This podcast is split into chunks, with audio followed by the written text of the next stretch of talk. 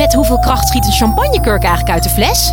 Ja, het is feest bij Quest. Al twintig jaar serieus leuk, met nieuwsgierige vragen en antwoorden uit de wetenschap. Zo maken we Nederland elke dag een stukje slimmer. Nu in de winkel en op quest.nl. En na elke grote humanitaire of natuurramp hoor je wel verhalen over bevlogen vrijwilligers die op eigen houtje een school opbouwen of dekens komen brengen. Het zijn goede dingen, maar zijn dit soort acties ook duurzaam? Sarah Kinsbergen van Radboud Universiteit doet onderzoek naar deze particuliere initiatieven en weet hoe je in je eentje een verschil kunt maken. Live vanuit Club Air is dit de Universiteit van Nederland. Ik wil jullie vertellen, kennis laten maken met Peter. Ik ontmoette Peter een jaar of tien geleden bij hem thuis in de woonkamer ergens in het oosten van Nederland. Peter is een doorsnee Nederlandse man. Hij was toen halverwege de veertig, vader van drie kinderen, man van een vrouw. En hij leefde eigenlijk een soort van een lokaal leven bij hem in het dorp. En Peter in het dagelijks leven bestiert hij een supermarkt. Hij is de manager van een lokale supermarkt van een landelijke keten. En hij leefde daar zijn leven. En hij vertelt mij in het gesprek dat ik met hem heb over een levensveranderende ervaring. Hij vertelde mij van ja, we hadden een wedstrijd lopen uh, met allerlei andere supermarkten en wij wonnen die wedstrijd. En ik won een reis. En hij mocht kiezen, zei hij. Ik kon op reis naar het zuiden van Europa, een rondreis door Italië. Ik kon op reis naar Scandinavië, maar ik kon ook op reis naar Kenia. Hij kon op safari. En hij dacht na en hij dacht, weet je wat, ik ga op safari naar Kenia. Ik doe het gewoon. En hij mag een aantal van zijn collega's meenemen en ze vertrekken op reis. En dan vertelt hij mij over wat hij daar aantreft op reis. Dus ze gaan op safari en die gids vertelt van als jullie willen, dan neem ik jullie mee op bezoek hier bij een lokaal opvanghuis voor straatkinderen. En die groep die stemt in en ze gaan dat weeshuis bezoeken. En ze zijn daar binnen en die Peter is diep onder de indruk. Ze zien smerige douches, ze zien kinderen die niet in al te beste omstandigheden daar hun leven in dat opvanghuis leven. En ze gaan verder, want ze kwamen op safari. Dus dat doen ze. En ze reizen door ook naar de kust. En ze zijn onderweg en Peter die zegt tegen zijn collega's, jongens, dit kan zo niet. Wij moeten iets doen. En dat is ook wat ze doen. Ze komen terug, ze gaan naar de notaris, ze schrijven zich in bij de Kamer van Koophandel en hun stichting, hun lokaal, kleinschalig, vrijwillige ontwikkelingsorganisatie is geboren. Een nieuw particulier initiatief. En net zoals Peter zijn er in Nederland enkele duizenden mensen en organisaties die beslissen om verschillende redenen om zichzelf actief in te zetten voor een betere wereld. En hij zet zich nu in met ziel en zaligheid voor dat lokale opvanghuis en hij besteedt daar veel tijd en energie aan. En bij mij komt dan de vraag, wat gebeurt er met die organisatie? Waarom doet die Peter dat? Waarom besluit hij, de man die eigenlijk zegt van had je me vijf jaar geleden gevraagd, ga je ooit iets doen voor mensen in ontwikkelingslanden? Dan had ik eens hard gelachen, zei hij. Ik, een wereldburger, echt niet. En nu zit hij daar met zijn stichting. En daar roept bij mij de vraag om, waarom doet Peter dat? En hoe organiseert hij dat? Waar haalt hij zijn geld vandaan? En hoe verloopt het met die organisatie na een verloop van tijd?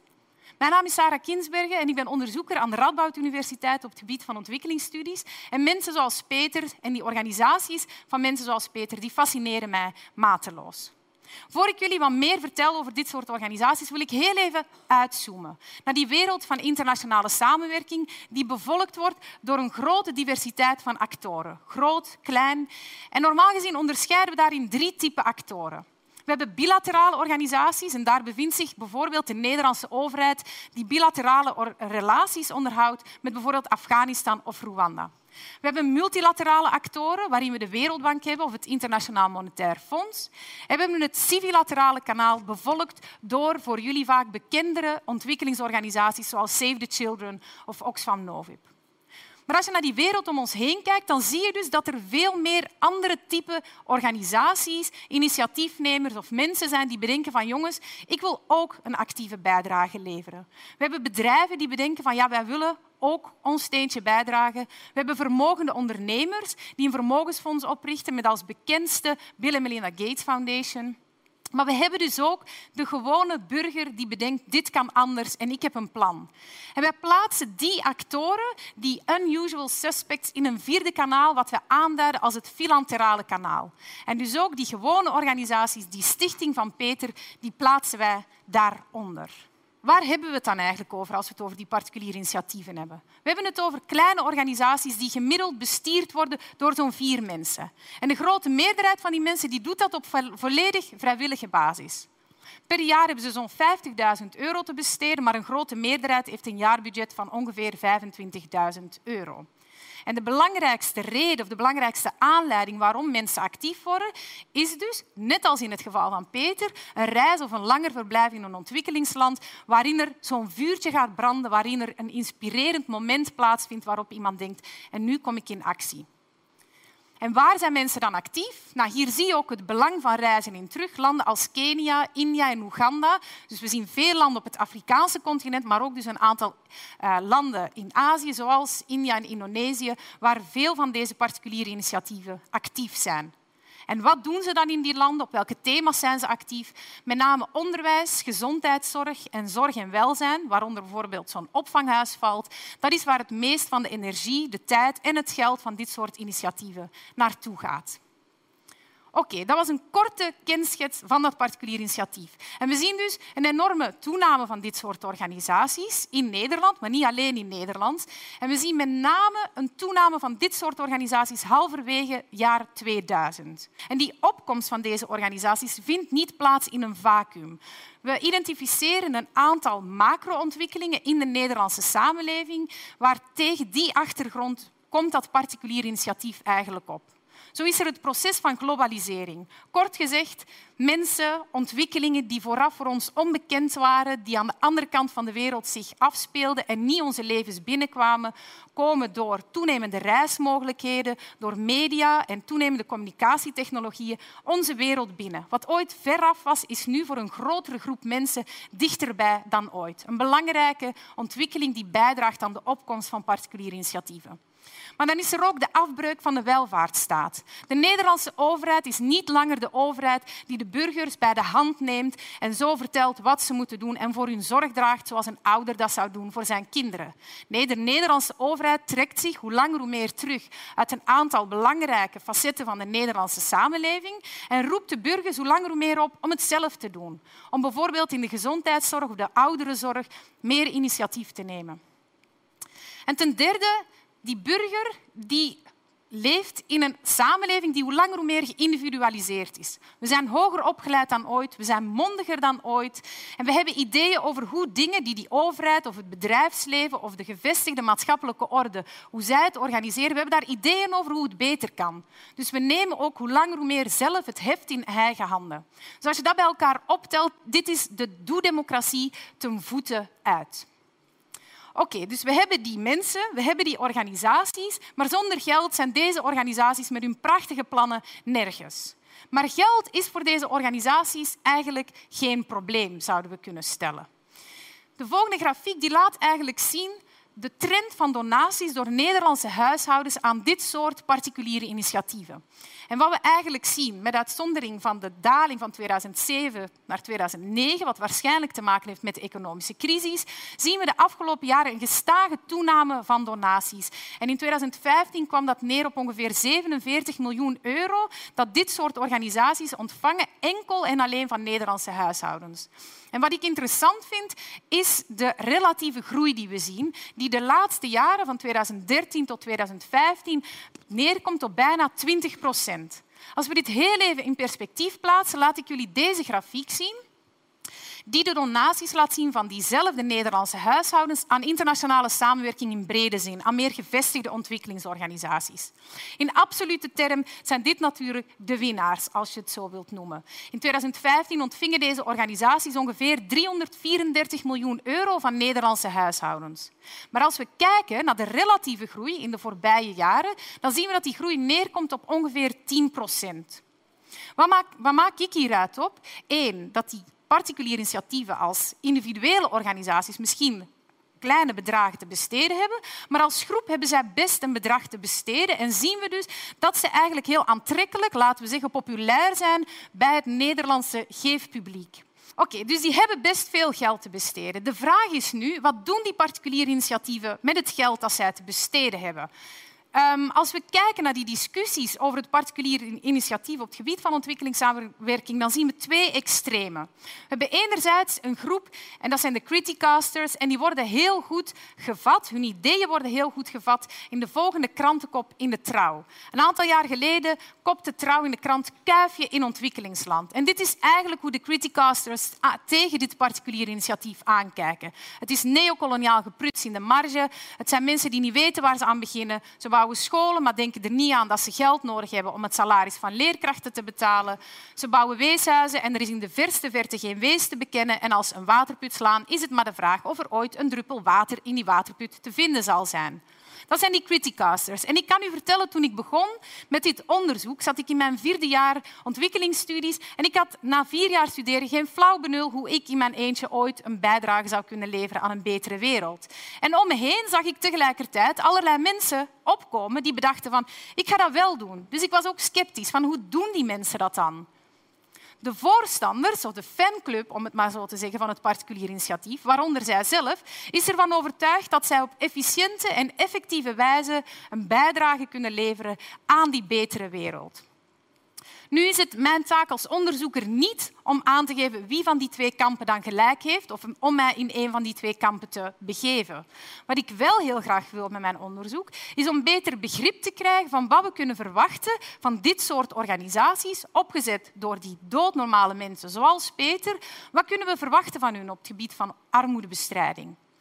En ik stel deze vraag vanuit een duurzaamheidsperspectief. Ik ben benieuwd in welke mate deze organisaties een duurzame bijdrage kunnen leveren aan structurele armoedebestrijding. En om eigenlijk beter grip te krijgen op dat vraagstuk, stel ik twee vragen centraal in mijn onderzoek. Ik vraag me af, wat doen die particuliere initiatieven en hoe doen ze dat? En daar zitten ook een aantal van de struikelblokken in verworven die ons onderzoek heeft blootgelegd. Laten we eerst kijken naar die vraag wat doen particuliere initiatieven met al die gelden, die tijd en die energie die ze te besteden hebben. Ons onderzoek laat zien dat heel veel van dit soort organisaties zich in hun werk bezighouden met projecten die wij aanduiden als eerste generatie ontwikkelingsstrategieën. Denk daarbij dus echt aan interventies die gericht zijn op het vervullen van basisbehoeften. Onderdak, gezondheidszorg, voedselvoorziening, onderwijs, het gaat om directe armoedebestrijding, zoals we dat noemen, met vaak concrete interventies die vaak op korte termijn vaak ook nog zichtbare resultaten opleveren. Het zijn interventies die heel erg gericht zijn op de gevolgen van armoede en in mindere mate op de oorzaken van armoede. Daar waar die tweede, maar zeker derde en vierde generatie type interventies veel meer direct gericht zijn op het aanpakken en het tackelen eigenlijk van die oorzaken van armoede, ongelijkheid en uitsluiting. Particuliere initiatieven zelf hebben een sterke overtuiging dat investeren in die eerste generatie interventies eigenlijk een soort van domino-effect in gang zet. En dat zij via die concrete investeringen, die eerste generatie type interventies, eigenlijk indirect gaan bijdragen aan die systeemverandering, die structurele verandering, het aanpakken van die oorzaken van armoede. Een voorbeeld, er is ergens geen school, dus kinderen volgen geen onderwijs. Dan bouw je een school, dan krijg je een groeiende groep van kinderen die met een diploma de school verlaat. Met dat diploma vinden zij een baan, hebben zij een beter inkomen dan hun ouders bijvoorbeeld gehad hebben, krijg je een groeiende middenklasse en op die manier doorbreek je eigenlijk die visieuze generationele cirkel van armoede. Is het onaannemelijk dat dit gebeurt? We kunnen niet hard maken dat het nooit gebeurt, maar is het vanzelfsprekend dat dit trickle-up effect daadwerkelijk plaatsvindt? Dat is echt maar de vraag. Het is echt de vraag of als die kinderen, wanneer ze eenmaal van school komen met dat diploma, of er dan ook echt een baan te vinden is. Daarvoor zijn er bredere ontwikkelingen nodig in die omgeving waar dit project, het bouwen van die school, niet direct invloed op heeft. Daarvoor heb je economische ontwikkeling nodig in dat gebied. Um, daarvoor is er gewoon een banenmarkt nodig. En bereik je een banenmarkt door het bouwen van die school?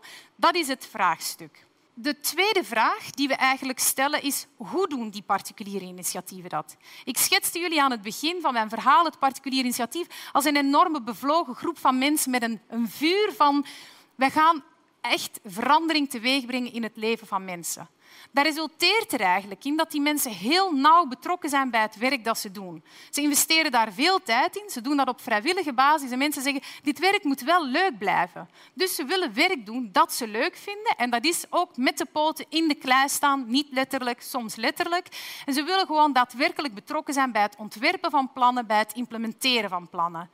En vanuit een duurzaamheidsperspectief kun je daar vragen bij stellen, want dat brengt het lokale eigenaarschap van die interventies echt wel in het geding. We zien ze als een bevlogen groep van mensen die nauw betrokken zijn en dat doen ze niet alleen omdat ze dat zelf leuk vinden, maar ook omdat ze zich heel erg verantwoordelijk voelen naar die donateur die al die gelden heeft gegeven. Want het is geen onbekende abstracte donateur, dat is een familielid, dat is een collega van op het werk, dat is iemand die je kent uit de sportclub.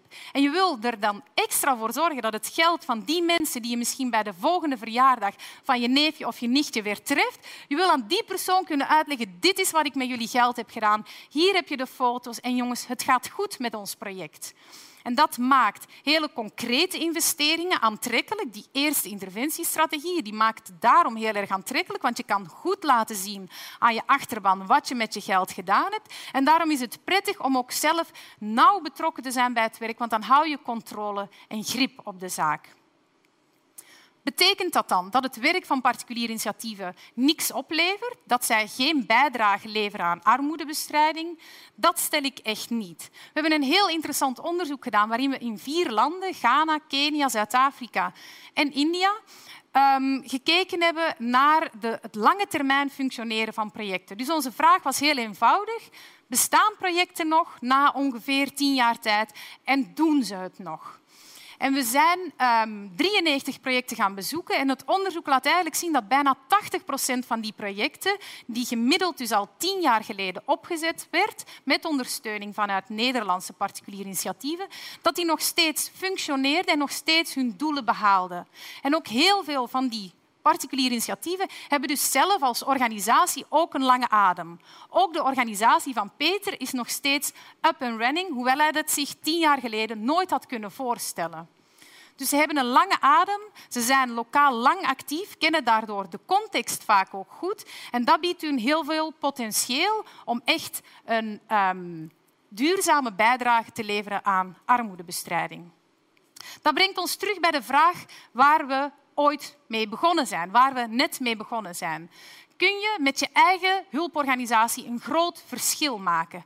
Ja, ik geloof dat het kan, maar ik geloof ook dat het niet vanzelfsprekend is. Het vereist een aantal dingen. Het vereist bij die particuliere initiatiefnemers lef om zich met hun interventies niet alleen te richten op de misschien wel voor de hand liggende directe armoedebestrijding, op het vervullen van basisbehoeften die zichtbaar zijn en die relatief eenvoudig aan te pakken zijn. Het vergt dus ook het lef om te investeren in meer lange termijn, misschien wel minder zichtbare, misschien wel soms meer complexe interventies die veel meer gericht zijn op het aanpakken van die oorzaken van armoede en ongelijkheid. Maar het vergt ook lef van donateurs, van mensen zoals u en ik. Het vergt lef van ons als donateurs om te investeren in organisaties die er dus voor kiezen om te gaan voor het meer lange termijn, het misschien wel ingewikkeldere um, werk, waarmee ze hopen die structuren die aan de basis liggen van armoede en ongelijkheid, om die structuren aan te pakken.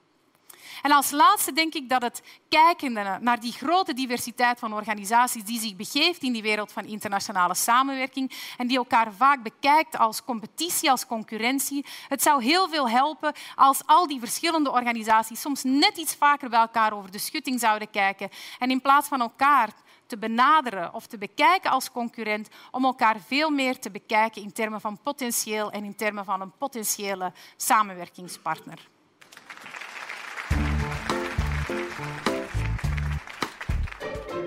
Wil je nou meer afleveringen van de Universiteit van Nederland horen? Check dan de hele playlist en ontdek het antwoord op vele andere vragen.